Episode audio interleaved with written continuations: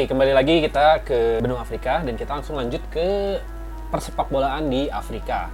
Nah, kita coba jelaskan ya bagaimana sejarahnya sepak bola itu ada di Afrika sampai saat ini.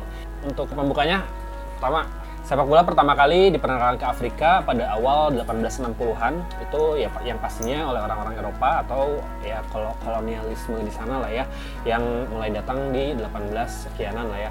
Nah, sejak itu sepak bola mulai diperkenalkan di Afrika khususnya sih dari orang-orang Inggris biasanya yang memperkenalkan olahraga sepak bola ini. Nah, untuk si permainan sepak bola yang tercatat pertama kali ini, yang pertama dimainkan di Afrika, itu ada di tahun 1862 di mana tentara-tentara Inggris dan pegawai negeri di sana ya yang apa ya disebutnya pegawai negeri itu. Jadi ya karyawan administrasi lah karyawan administrasi melawan tentara-tentara Inggris nah mereka karena memang punya kultur sepak bola kemudian mempunyai hasrat ingin bermain seperti di negara asalnya mereka melakukan pertandingan sepak bola di Afrika. Nah dalam pertandingannya tersebut ya memang tidak dikenal peraturan-peraturan yang baku karena mereka bermain hanya sekedar hobi atau meluangkan waktu di tanah yang jauh dari rumahnya gitu. Kemudian setelah itu berkembang berkembang dan menjadi satu mungkin alat perjuangan dari bangsa-bangsa Afrikanya dan sebagai alat pelepas jenuh dari tentara-tentara dan juga pegawai administrasi kolonialisme di wilayah Afrika gitu. Kemudian kita masuk ke klub sepak bola Afrika tertua yang ada di Afrika gitu ya. Pertama itu kita mengenal adanya Savage FC. Itu ada di wilayah Peter Maritzburg di Afrika Selatan. Ini tercatat mereka ini berdiri tanggal 26 Agustus 1882. Lalu ada Gezira SC di Mesir yang berdiri tahun 1882. Lalu ada dua klub asal Aljazair yang berdiri di kota yang sama ya, di kota Oran. Yang pertama itu ada CDJ atau kepanjangannya Club de Jersete de Orang. Nah, itu memang ada di wilayah orang dan berdiri pada tahun 1894. Ini didirikan oleh pemukim Eropa yang berada di lingkungan Elder Oran. Lalu yang kedua itu uh, sama yang dari tadi yang dari kota Oran juga itu CAL. CAL ini kependekannya dari Klub Atletik Liber de Oran. Nah itu sama di orang juga berdiri tiga tahun setelah si CDJ berdiri. Nah ini didirikan juga oleh orang-orang Eropa yang berada di lingkungan Saint Antoine of Oran itu bahasa Prancisnya gitu ya Nah, lalu ada klub Young Africans itu di tahun 1935 memang agak sedikit jauh ya dari 1882 sampai ke 1935. Lalu masuk ke Accra Hearts of Oaks itu ada di negara Ghana. Itu berdiri tahun 1911. Lalu nah ini yang, yang menarik nih. Ini salah satu klub tertua di negara Maroko. Ini namanya Maghreb Atletico Tetuan. Ini dia berdiri tahun 1922. Nah, menurut catatan sejarahnya ini mereka katanya sih pernah berlaga di La Liga Spanyol. Kenapa? Karena memang dulu eh, Maroko merupakan wilayah kolonial dari kerajaan Spanyol. Nah, tapi ada juga yang bilang bukan Maghreb Atletico Tetuan, tapi ada juga yang bilang itu Atletico Tetuan. Karena yang tercatat di La Liga sebenarnya Atletico Tetuan yang sempat bermain di tahun 1956 di La Liga Spanyol. Lalu balik lagi ke tahun 1930-an di mana sepak bola di Afrika Tengah khususnya itu di wilayah Chad, kemudian wilayah Mali, Sudan, Kongo itu baru dimainkan oleh orang-orang di sana ya khususnya orang-orang Afrika di sana gitu. Lalu mundur lagi ke 1892 itu dibentuk namanya South African Football Association. Mungkin sekarang juga dikenal ya SAFA itu sebagai federasi sepak bolanya Afrika Selatan. Nah, itu salah satu federasi negara yang dibentuk emang paling tua di benua Afrika. Nah, hanya saja di Safa ini dulu terkenalnya memang hanya untuk asosiasi untuk orang-orang kulit putih saja karena seperti kita tahu ya, di Afrika Selatan sendiri dulu masih sangat terkenal dengan sistem apartheid atau sistem pemisahan warga-warganya berdasarkan warna kulit gitu. Lalu di tahun 1910 mereka menjadi anggota FIFA. Nah, selain itu hal-hal menariknya lain memang di si Afrika Selatan sendiri itu tidak hanya Safa sebagai federasinya. Ternyata ada juga beberapa perkumpulan sepak bola yang digagas oleh masing-masing orang yang berlatar belakang berbeda. Sebut saja pertama ada SAIFA yaitu South African Indian Football Association itu yang didirikan oleh orang-orang India yang ada di wilayah Afrika Selatan.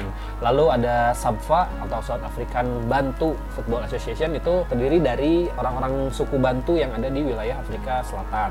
Nah, satu lagi itu ada di namanya SACFA ya, yaitu South African Colores Football Association atau perkumpulan sepak bola yang di didirikan oleh warga atau orang-orang berkulit berwarna. Itu berarti non uh, orang kulit putih. Itu bisa bisa saja orang-orang kulit hitam atau yang tidak masuk ke dalam Indian Football Association atau Bantu Football Association Lalu untuk yang secara lebih luas lagi, kita mengenal di benua Afrika itu diwadahi oleh satu federasi besar layaknya seperti AFC di Asia, kemudian UEFA di Eropa. Itu terkenal namanya CAF atau Confederation African Football. Nah, CAF itu ya, yaitu ternyata diinisiasi oleh siapa aja? Pertama diinisiasi oleh Afrika Selatan, nah, jelas karena memang kultur sepak bola Inggris itu banyaknya di Afrika Selatan, lalu Ethiopia Nah, Ethiopia ya lumayan menarik juga ya karena Ethiopia kita kenal juga memang negara yang tidak pernah dijajah tapi mereka punya kultur sepak bola juga. Lalu ada Mesir dan Sudan. Nah, jelas Mesir dan Sudan ini memang punya pengaruh dari Inggris. Nah, si ini diinisiasi oleh empat negara ini dan berdiri pada tahun 1996 gitu.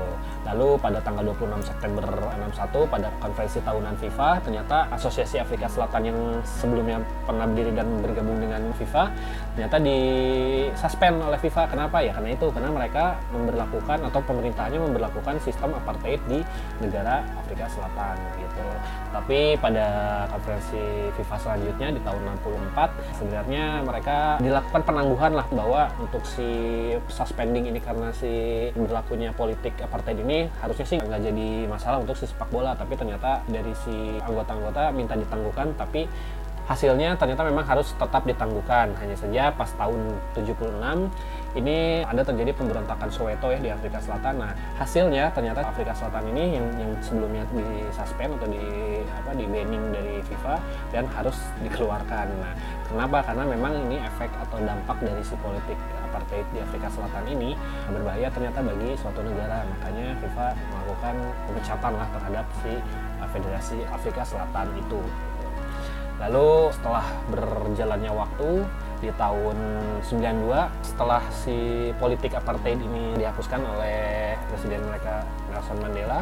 Nah, Afrika Selatan ini mulai masuk lagi ke FIFA dan mereka diterima dengan baik nah, oleh si FIFA dan mulai dilakukan pertandingan persahabatan atau pertandingan pertama Afrika Selatan sebagai anggota dari FIFA itu di tahun 92. Jadi setelah dikeluarkan di tahun 76, 16 tahun kemudian mereka masuk ke FIFA dan mereka boleh melakukan pertandingan internasional lagi. Lalu masuk ke hal yang unik di Afrika. Pertama itu ya Afrika jelas begitu banyak latar belakang tradisi, budaya. Kemudian ya kliniknya juga mungkin ada juga ya karena kalau kita lihat atau kita nonton kita dengarkan kalau apa sih yang paling terkenal dari si sepak bola Afrika itu kalau tidak masalah pendukungannya atau mantra-mantra kemudian melakukan atau ada barang-barang yang aneh ada di gawang nah itu sebenarnya masih banyak cerita-cerita itu di liga-liga lokalnya ya liga-liga lokal. Karena ada beberapa yang di beberapa footage ya footage di YouTube membawa bahwa si Afrika ini ada yang nggak tidak kebobolan karena ada dukun-dukun lah di si sekitar stadionnya. Begitu si dukunnya diketahui malah jadi kebobolan. Nah itu mungkin beberapa catatan unik lah ya sepak bola di Afrika. Ada mungkin di Indonesia juga mungkin ada gitu ya teman ya gimana? Ya Afrika uniknya di masalah perdukunan itu. Selain itu juga kalau misalnya masuk lebih ke teknis itu justru anak-anak Afrika ini banyak yang diperjualbelikan. Nah ini yang agak sedikit miris ya karena anak-anak di Afrika ini dibawa oleh agen-agen gitu ya dijanjikan akan bermain di klub-klub besar di Eropa tapi ternyata mereka ini terlibat dalam pertama pemalsuan umur kemudian perdagangan anak minyak perdagangan anak bahkan perbudakan berbasis penipuan lah. Jadi mereka membawa orang-orang Afrika menjanjikan kerja di Eropa. Nah ternyata pas di Eropa ini mereka semacam diperbudak atau misalnya mereka harus kerja di satu tempat. Nah itu yang jadi masalah itu di sepak bola Afrika karena mereka sebenarnya ingin menyalurkan hobi mereka dan ingin menitik karir di Eropa karena ya menjanjikan kekayaan atau ketenaran. Tapi ternyata mereka harus berujung di penjara atau malah menimbulkan kematian gitu itu Afrika lalu masalah lainnya yang sering dihadapi oleh sepak bola Afrika pertama kurangnya kemampuan si SDM SDM di sana dalam mengelola si organisasinya nah karena seperti kita tahu ya mungkin Afrika sebagai ya bisa disebut sebagai benua yang agak tertinggal dari benua lainnya. Cuman kan mungkin mereka juga punya permasalahan sendiri gitu ya di wilayah negaranya gitu. Nah, hanya saja untuk si Afrika sendiri memang untuk di sepak bola internasionalnya memang belum begitu terlihat ya. Ya bisa kita lihat dari beberapa gelaran Piala Dunia mereka belum pernah menjuarai Piala dunia. Sama juga dengan Asia sih sebenarnya gitu. Lalu kita lanjut ya ke tahun 90-an di mana sepak bola Afrika ternyata mengalami gelombang besar perubahan itu tahun 90-an karena penjualan budak itu mulai mulai berkurang. Hanya saja si talenta-talenta muda yang memang meniti karir di Eropa sedang melejit-melejitnya dan memang dilihat langsung oleh si scout di Eropa. Itu mereka mencoba kesempatan yang lebih baik di Eropa dan lumayan memajukan sepak bola Afrika. Karena tahun 90 sampai 2000-an memang si sepak bola Afrika ini lebih kelihatan lah ya dari mulai nanti Olimpiade kemudian di Piala Dunia. Nanti kita bahas di next pembahasan selanjutnya Terus ada lagi nih cerita dari Peter Alegi. Peter Alegi ini seorang profesor sejarah di dari Michigan State University. Dia mencoba menuturkan sebenarnya untuk si tulisannya dia itu agak sedikit panjang mengenai sepak bola Afrika cuman saya ambil beberapa intinya saja pertama uh, menyebutkan dua kisah yang, yang begitu berbeda antara satu Michael Essien ya pasti udah pada kenal ya Michael Essien nah yang akhirnya mendapatkan hasil jutaan pound sterling atau jutaan euro gitu ya karena dia bisa bermain di klub-klub besar di Eropa. Nah, selama dia bermain di Prancis bersama Lyon, kemudian di Inggris bersama Chelsea, di Spanyol bersama Real Madrid dan selanjutnya ya Yunani dan sempat juga main di tim Persib Bandung gitu. Nah, kemudian dibandingkan dengan cerita dari Albert Youmba. Albert Youmba ini eh, yang pada tahun 90-an ternyata menjadi imigran ilegal di Eropa karena dijanjikan akan menandatangani kontrak dengan Le Havre di Prancis, namun gagal saat berkarir dan kalau nggak salah tuh dia menjadi buronan dari pemerintah Prancis karena dia masuk ke Prancis dengan cara yang ilegal. Jadi ya ilegal imigran itu sama dengan ya buronan di Prancis dan sebenarnya kalau misalnya karirnya bagus atau misalnya memang si administrasinya bagus di Le Havre, mungkin uh, Abed Yoba menjadi salah satu pemain yang bagus juga di Prancis. Nah itu Sepeto Allegri mencoba membandingkan mana sih yang kenapa pemain dari Afrika ini banyak yang tidak berkembang di Eropa ya karena itu masalah ilegal imigran karena maladministrasi dari pemain-pemain si Afrika itu sendiri.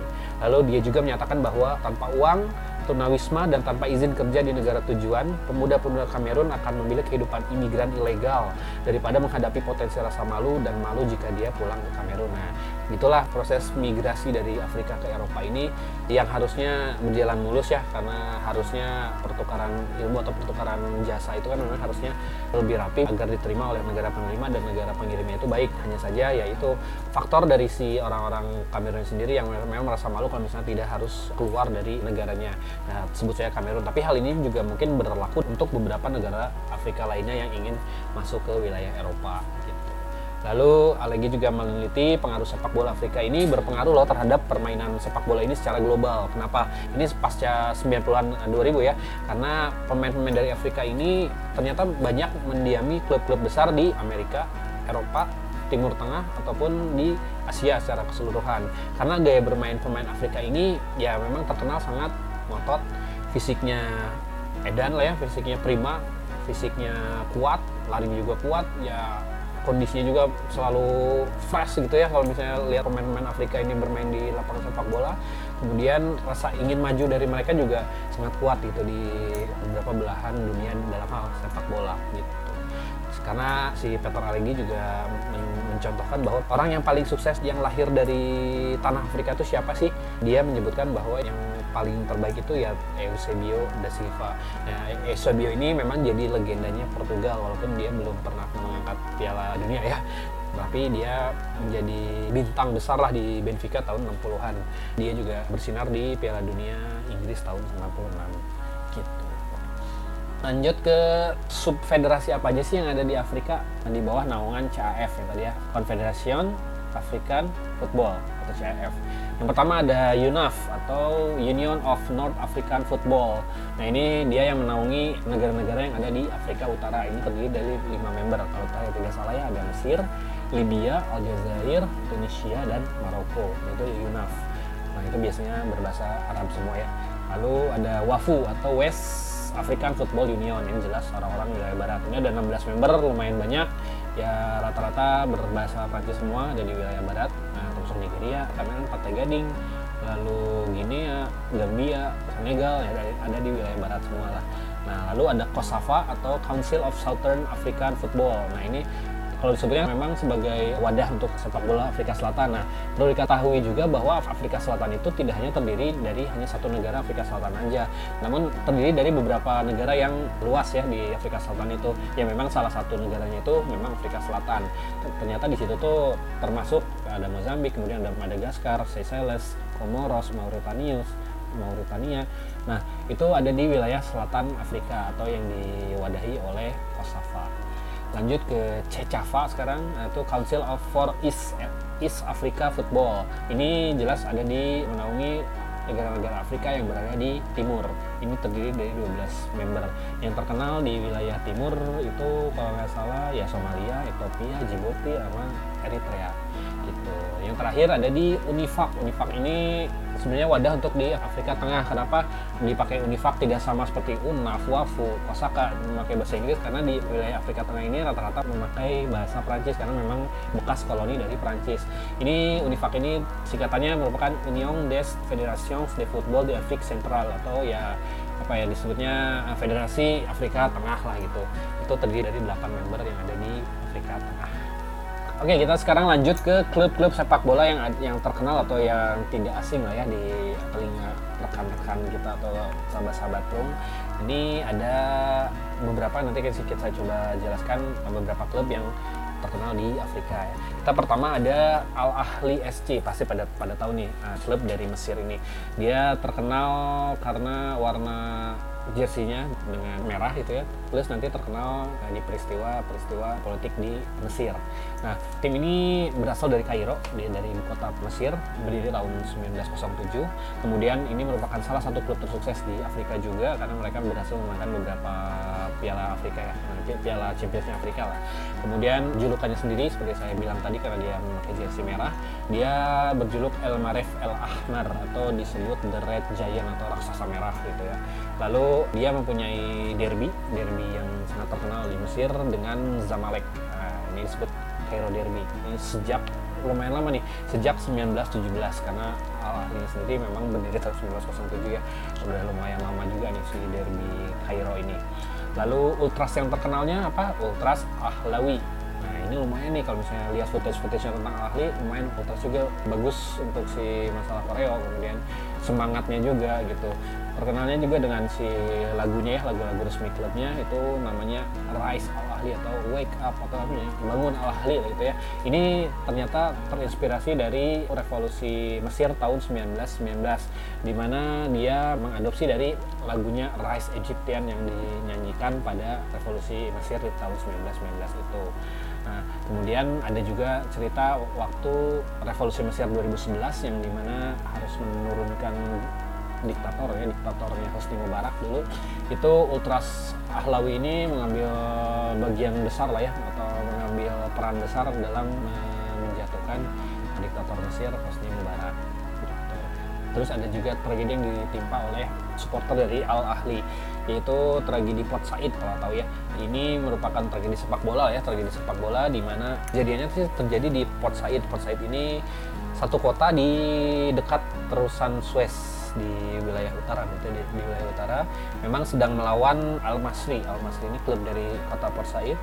Untuk si kronologis sendiri sih si Ultras Al Ahli yang memang bertandang ke Port Said ini diserang oleh Ultras Al Masri di stadion nah ini penyerangannya nanti lihat di footage memang ya mengerikan lah ya gimana diserang oleh tim tuan rumah gitu ya kemudian mengakibatkan 72 orang meninggal dari Ultras Al Ahli. Nah, ternyata setelah diselidiki memang di situ ada isu politik di baliknya itu. Kenapa? Karena Ultras Ahlawi sendiri yang sangat kontra dengan Husni Mubarak, sementara si pendukung dari Port Said sendiri atau si Al Masri ini merupakan pendukung dari Husni Mubarak. Nah, itu miris ya karena pandangan politik dari dua supporter ini yang berseberangan malah menjadi trigger terjadinya kerusuhan di Port Said dan mengakibatkan 72 orang meninggal dunia. Lanjut ke klub El Zamalek dari sama-sama dari Mesir gitu ya. El Zamalek ini berdiri di kota Giza di Mesir. jelas karena dia berdiri tahun 1911 salah satu klub tertua juga yang unik ini dia memang berbasis di Giza hanya saja untuk si home base nya dia ada di Cairo International Stadium atau di ibu kota justru gitu ya. Nah mereka lumayan bisa dibanggakan lah ya untuk di trofi-trofinya yang dia menangkan. Karena dia udah pernah juara Piala Mesir Liga Mesir kemudian Liga CAF juga pernah menang Super CAF juga pernah menang dan Piala Afrika juga sudah menang. Nah yang terkenal dari ini sih ya tragedi Stadion Helmi Zamora tahun 1974 ini tercatat 48 orang tewas karena terinjak-injak pada pertandingan persahabatan melawan klub Ceko Dukla Praha di Stadion Helmi Zamora pada tahun 1974. Kemudian ada juga tragedi 30 Juni 2015 ini disebutnya sebagai kebrutalan dari aparat keamanan kali ya. Karena di sini ada 20 pendukung yang dibunuh oleh aparat keamanan di Stadion 30 Juni Kairo dan hal ini juga diangkat ya diangkat oleh fans-fansnya Zamalek sebagai 20 martir lah ya. Untuk sebagai pengingat aja sebagai pengingat bahwa telah terjadi kekerasan di stadion oleh para pemain. Itu, itu untuk El Zamalek. Lalu kita berangkat ke wilayah barat atau ke negara paling barat di Afrika. Ini disebut klub Raja Casablanca. Nah Raja Casablanca ini lumayan bagus juga untuk culture si supporternya atau uh, ultrasnya. Saya coba terangkan di sini si Raja Casablanca ini merupakan salah satu klub tersukses juga di Maroko, di mana mereka bisa meraih kesuksesan ini memang dalam waktu yang singkat karena mereka baru berdiri pada tahun 49, tidak seperti halnya klub-klub lainnya yang berdiri di awal-awal 1900-an gitu ya. Jadi merupakan salah satu klub termuda lah ya, termuda di Afrika dan mereka bisa mendapatkan beberapa gelar lah di negara Marokonya. Lalu fakta yang unik ini nama raja atau raham gini raha atau raja karena bahasa Prancis atau eh bahasa Spanyol dan Prancis sebenarnya di Maroko ini sebut raja ternyata bukan raja king di sini ya. Ternyata raja itu diambil dari bahasa Arab yang berarti harapan. Jadi harapan Casablanca atau raja Casablanca. Ini bermarkas di Stadion eh, Stade Muhammad V yang merupakan raja dari Maroko. Kemudian salah satu fan on base club yang diprokrasi oleh para pendukungnya dan para fans ini memiliki klub dari si Raha Casablanca ini gitu. Lalu klub Raja Casablanca juga merupakan salah satu klub yang belum pernah terdegradasi di Liga Maroko ya bersama dengan si Wydad Casablanca. Nah, Wydad Casablanca ini nanti saya bahas selanjutnya. Ini memiliki derby derby Casablanca dengan Raja Casablanca. Jadi raja dengan Wydad itu disebut Casablanca derby gitu. Lalu selain di di Casablanca juga memang ternyata banyak klub ya, banyak klub dan uh, masing-masing juga mempunyai uh, derbynya sendiri. Malah untuk si kenapa disebut Casablanca derby itu untuk antara raja dan si Wydad karena El Clasico-nya sendiri ternyata Raja Casablanca harus berhadapan dengan SFAR atau ASFAR itu kependekan dari Association Sportif de Force Army Royal atau ya tentara kerajaan Maroko. Nah, ini salah satu klub milik tentara kerajaannya yang berbasis di kota Casablanca. Nah, itu untuk El Clasico-nya sedangkan untuk si Casablanca derby-nya dengan Wydad Casablanca. Lalu klub Raja Casablanca ini dan yang tadi Zamalek merupakan dua klub sukses di Afrika. Nah, untuk julukannya dari si Raja Casablanca ini disebut The Green Eagles atau elang hijau ya karena memang si jersey-nya sendiri berwarna hijau. Lalu yang unik juga untuk si klub ini mereka menjadi tim pertama yang mengambil bagian di Piala Dunia antar klub yang digelar tahun 2013 itu di wilayah Timur Tengah kalau satu. Nah itu si Raja Casablanca. Oke, lanjut ke tetangganya lah, tetangganya dari Raja Casablanca ya, Wydad Casablanca. Wydad Casablanca ini berdiri dengan nama Wydad Athletic Club yang di tahun 1937. Julukannya Al-Qala Al-Hamra atau Red Castle atau Istana Merah karena memang bajunya merah, tidak seperti raja yang warna hijau ya. Dan ini merupakan alat perjuangan rakyat Maroko untuk melawan pendudukan Prancis, nah, di mana hanya memakai pemain-pemain asli dari Maroko aja tidak menggunakan pemain asing atau pemain keturunan lah ya keturunan Prancis karena dulu Maroko dijajah oleh Prancis dan Spanyol lalu pernah cerita bahwa dulu para pemain dari si Wydad Casablanca ini pernah menolak bermain di Aljazair karena apa? Karena pada saat pertandingan nggak ada bendera Maroko di stadion gitu ya. Cuman ada bendera Prancis aja gitu. Nah, kenapa mereka protes? Karena ya Maroko bukan bagian dari Prancis dan Maroko itu merupakan negara yang merdeka sendiri gitu. Jadi mereka menolak main sampai akhirnya panitia mulai luluh gitu ya dan menaikkan bendera Maroko dan mereka bermain. Untuk si ultras yang terkenal ya Ultras Winners 2005 karena memang didirikan tahun 2005 dan ya lumayan bagus nih kultur ultras di Maroko ya di rajanya atau di widatnya gitu. Untuk si fans yang paling terkenal dari si Wydad Casablanca ya tercatat ada Raja Hasan II dari Maroko yang juga merupakan fans dari Wydad Casablanca. Lanjut sekarang ke wilayah timur dari Maroko ke wilayah Tunisia. Tunisia punya klub yang namanya Esperance Sportif de Tunis atau IDT. Nah, disebut IDT atau biasa disebut Esperance Tunis lah ya. Ini basisnya di Tunis atau di ibu kota Tunisia, berdiri tahun 1919, bermarkas di Olympique de Menza dan Stade Olympique Hamadi Agrebi. Lalu untuk nama supporternya sendiri ada Ultras Lem Kachkitnes dan satu lagi Zapatista Esperanza. Nah kalau Zapatista Esperanza ini pasti terinspirasi dari pergerakan Zapatista yang ada di Chiapas, Meksiko. Terus ada lagi yang terkenal dengan insiden 13 Juni 1971 di mana Esperanza Tunis ini kalah di final Piala Tunisia melawan CS Sfaxien di Stadion El Menzah itu di mana konflik dengan lagi-lagi dengan aparat keamanan di mana kerugian juga ya kerugian dari korban jiwa dan juga dari finansial ya dulu pada kerugian itu Kemudian Menteri Dalam Negeri Tunisia di sana melakukan pembubaran atas Esperance de Tunis ini. Hanya saja pada tahun berikutnya atau beberapa tahun berikutnya Presiden dari Tunisia yaitu Presiden Habib Bourguiba mengaktifkan kembali klub Esperance de Tunis ini.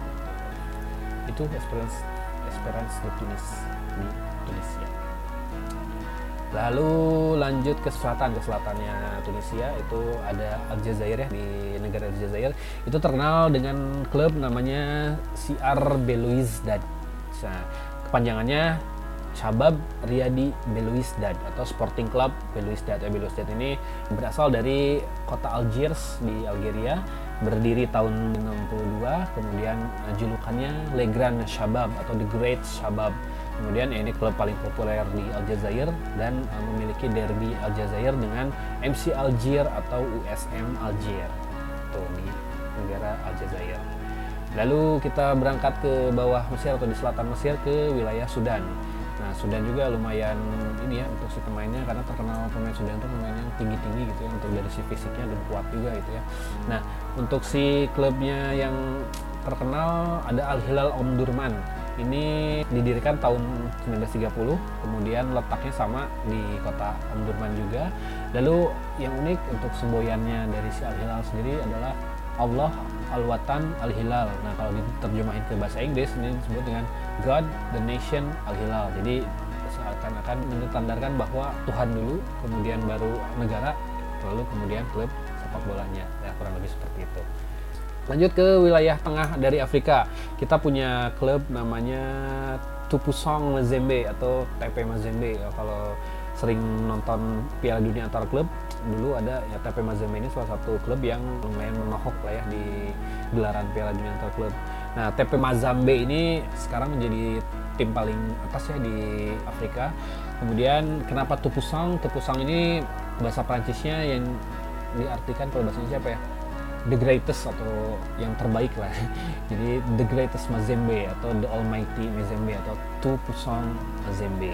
Ini berdiri tahun 1939 home base nya sendiri ada di kota Lubumbashi di Kongo Kongonya Kongo Demokratik Republik ya bukan yang di Republik uh, Kongo kemudian yang unik tuh di logonya. Logonya ini gambarnya buaya tapi untuk si julukannya Le Corbex atau disebutnya The Raven atau si gagak kan rada aneh oke kenapa? Tapi bisa memahami sih karena si jersey sendiri warnanya hitam sama dengan burung gagak gitu ya. Kemudian untuk si sejarahnya sendiri ini merupakan klub yang dimiliki oleh orang Belgia lah pastinya kalau untuk di Kongo itu dimiliki oleh Oscar Engelbert dan dia membentuk klub sepak bola namanya FC Engelbert yang terdiri dari buruh atau pekerja-pekerja pabrik karet di kota Lubumbashi. Mereka mendirikan klub sepak bola dimodali oleh si Oscar Engelbert ini dan kemudian merubah namanya menjadi Tupusong Mazembe gitu. Dia atau si klub ini memiliki rival dengan CS Vita. CS Vita ini CS Vita klub ini sama klub dari Democratic Republic of Congo gitu. Nah sekarang cerita tentang si AS Vita Clubnya tadi yang merupakan si rival dari si TP Mazembe. Ini sebenarnya berdomisilinya justru di ibu kotanya Kongo atau di Kinshasa. Nah Vita Club ini merupakan salah satu klub tersukses dalam sejarah persepak bolaan Republik Demokratik Kongo dan juga bermarkas di The Stades des Martyrs. Berdiri tahun 1935, dijuluki The Black Dolphin atau lumba-lumba hitam dan mengenangi kejuaraan domestik hampir 15 kali dan memenangkan Piala Champions of Africa pada tahun 1973. Yuk lanjut ke negara Angola. Angola ini salah satu negara jajahan Portugal nih. Jadi untuk dari nama-nama orangnya atau nama-nama warganya gitu ya, rata-rata namanya itu hampir sama dengan orang-orang Brazil. Coba cek deh, nama-namanya pasti ada namanya belakangnya Nino, Nino kalau nggak Wow atau Rui. Nah itu banyak ditemukan orang-orang Angola ini memakai culture-culture Portugal di negaranya tersebut. Gitu. Ini ada nama klubnya Primero de Agosto. Nah kalau di klubnya tuh pasti namanya satu bulat gitu ya satu bulat itu primero atau first gitu ya first Agustus nah karena memang tim ini mungkin didirikan pada, tanggal 1 Agustus gitu 1 Agustus. Nah kemudian basis klubnya ini ada di ibu kota Angola di Luanda. Lalu berdiri tanggal 1 Agustus 1977 benar kan? Kemudian dijuluki Os Militares atau The Military karena memang basic dari si klub ini merupakan klub militer angkatan darat. Lalu nama dari stadionnya itu Stadio General Franca Andalu. Ya jelas pasti General Franca Andalu ini merupakan jenderal militer. dan ini merupakan salah satu klub tersukses juga di Angola dan punya rival nih, punya rivalnya itu namanya Primero de Mayo atau First May. Nah, kalau First May pasti bakalan nyambung dengan orang-orang sosialis atau orang komunis karena First May itu merupakan May Day. Lalu ada lagi Petro di Luanda ini pasti orang-orang Petro tuh bensin ya atau gas atau yang orang-orang minyak lah pasti itu kalau di Angola. Lanjut ke negara Zimbabwe. Zimbabwe punya klub yang namanya Dinamos Zimbabwe. Ini berbasis di kota Harare, di ibu kotanya juga. Ini merupakan gabungan dua tim sepak bola, nah, yaitu Rhodesia dan Harare Township pada tahun 63 dan melebur jadi satu menjadi Dinamos Zimbabwe. Dinamos ini memperoleh julukan mereka The Glamour Boys karena melalui gaya permainan awal mereka yang glamour gitu ya. Kemudian prestasi mereka memenangkan Piala Zimbabwe, uh, liganya juga pernah menang. Lalu uh, ada juga skandal di mana Dinamos FC ini uh, dituduh mengambil apa ya keuntungan dari wasit-wasit di Zimbabwe. Kenapa? Karena sebagian besar orang-orang atau sebagian besar wasit di Liga Zimbabwe ini berasal dari suku Shona yang merupakan suku mayoritas yang juga merupakan pendukung dari si Dinamo Zimbabwe. Nah, kalian apa yang disebutnya kolusi atau kolusi atau nepotisme terhadap klub yang diberikan khusus kepada si wasit karena wasit sendiri memiliki latar belakang suku yang sama dengan fans dari si Dinamo Zimbabwe gitu. Mungkin itu si Dinamo Zimbabwe klub yang paling tersukses di wilayah Zimbabwe. Lanjut kita masih bicara tentang tiga klub lagi di Afrika Selatan Afrika Selatan ini punya tiga klub yang abadi di Afrika Selatan ya. Yang pertama kita sebut Kaiser Chiefs di Afrika Selatan ini. Nah Kaiser Chiefs ini asalnya dari Johannesburg. Karena kita tahu Afrika Selatan tuh mempunyai tiga ibu kota maksudnya Johannesburg, Pretoria, sama satu lagi Cape Town. Nah dari tiga ini nah, yang mewakili si Johannesburg itu diwakili oleh si Kaiser Chiefs. Ini berbasis di, di Naturena. Kemudian uh, julukannya sendiri Amakoshi atau berarti chief atau leader atau apa ya pemimpin lah ya dalam bahasa Zulu itu Amakoshi itu ya artinya itu pemimpin atau chiefs ya karena nama klubnya sendiri yang merupakan Kaiser Chiefs gitu.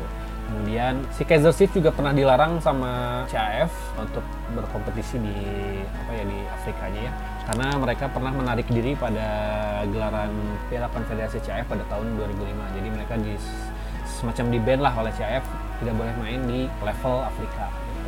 Lalu si nama Kaiser Chiefs ini juga pernah menginspirasi band indie rock Britpop Inggris asal Leeds ini dinamai Kaiser Chiefs karena personil dari Kaiser Chiefs ini memang pendukung Leeds di mana Leeds waktu itu dipimpin oleh kaptennya Lukas Radebe. Lukas Radebe ini memang legendnya dari si Afrika Selatan dan juga dari si Kaiser Chiefs. Makanya si band Kaiser Chiefs ini dibentuk berdasarkan nama dari kapten Leeds waktu itu Lukas Radebe yang memiliki julukan yang sama juga si Chiefs gitu ya. di Chiefs Radebe.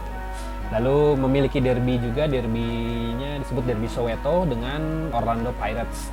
yang merupakan ya salah satu pertandingan paling sengit lah ya di Afrika Selatan dengan si Orlando Pirates ini gitu. Lanjut kita bicara tentang Orlando Pirates juga. Orlando Pirates ini sebenarnya ini sama berbasisnya di Johannesburg ya, karena dia memiliki derby juga derby yang tadi saya sebutkan derby Soweto dengan Kaizer Chiefs merupakan salah satu klub sepak bola tertua di Afrika Selatan. Mereka berdiri tahun 1937 lalu bermarkas di Orlando Stadium Nah, julukannya ini yang lumayan rada sulit nih. Namanya Ama Baka Baka atau Ama Baka Baka atau bahasa Inggrisnya The Buccaneers. Buccaneers teh bajak laut, nah, bajak laut atau pirates lah gitu ya. Kenapa? Karena ya memang lambangnya juga seperti bajak laut karena ada tengkorak atau Jolly Rogers itu Kemudian pendiri si Orlando Pirates ini merupakan keturunan-keturunan dari pekerja migran yang pindah dari pedesaan untuk bekerja di tambang emas Gauteng karena di daerah Gauteng itu memang banyak tambang emas. Nah, mereka berangkat ke sana dan para pekerja ini mendirikan klub sepak bola bernama Orlando Pirates. Satu lagi terakhir klub Afrika yang lumayan terkenal yaitu Mamelodi Sundowns. Nah, Mamelodi Sundowns ini berasal dari Mamelodi di wilayah Pretoria yang tadi saya sebutkan salah satu ibu kota dari Afrika Selatan. Nah, Sundowns ini dimiliki oleh raja bisnis uh, Afrika Selatan namanya Patrice Motsepe dan merupakan salah satu klub yang paling berharga lah karena memiliki valuasi nilai klub yang tinggi juga berdasarkan nilai pasar saat ini ya kemudian berjuluk The Brazilian. Kenapa The Brazilian? Karena si seragamnya sendiri mirip dengan timnas Brazil. Di mana ini kuning kemudian celananya hijau kalau saya hijau. Ya kuning ya hampir sama kayak timnas Afrika Selatan juga ya kuning hijau lah gitu. Kemudian pernah dilatih oleh legenda sepak bola Bulgaria itu Hristo Stoichkov pada tahun 2010 dan juga legenda Belanda Johannes Kens tahun 2011 Nah, ini menjalin the big three dari Afrika Selatan yang disebut the big three yang tidak pernah degradasi atau selalu bergantian juaranya antara Orlando Pirates, kemudian Kaizer Chiefs dan Mamelodi Sundowns. Itu terkait klub sepak bola di Afrika. Oke, saya mau mengumumkan siapa pemenang kuis dari part 1 kemarin ya, yang di mana pertanyaannya itu siapakah raja yang memiliki kekayaan terkaya pada zaman itu ya dan mengakibatkan salah satu negara mengalami inflasi gitu ya. Ya betul jawabannya itu Raja Mansa Musa. Nah, untuk pemenang kuis kali ini saya coba pilih si pemenangnya lah ya. Itu kalau dari jawabannya sih yang paling mendekati atau paling lengkap itu jatuh ke Erwin Gunawan. Nah, ini lumayan nih jawabannya lumayan panjang dan ada beberapa fakta yang ditampilkan juga di komentarnya. Nah, selamat untuk Erwin Gunawan, kamu mendapatkan merchandise menarik dari Prung. Terima kasih untuk partisipasinya. Sampai jumpa di quiz selanjutnya.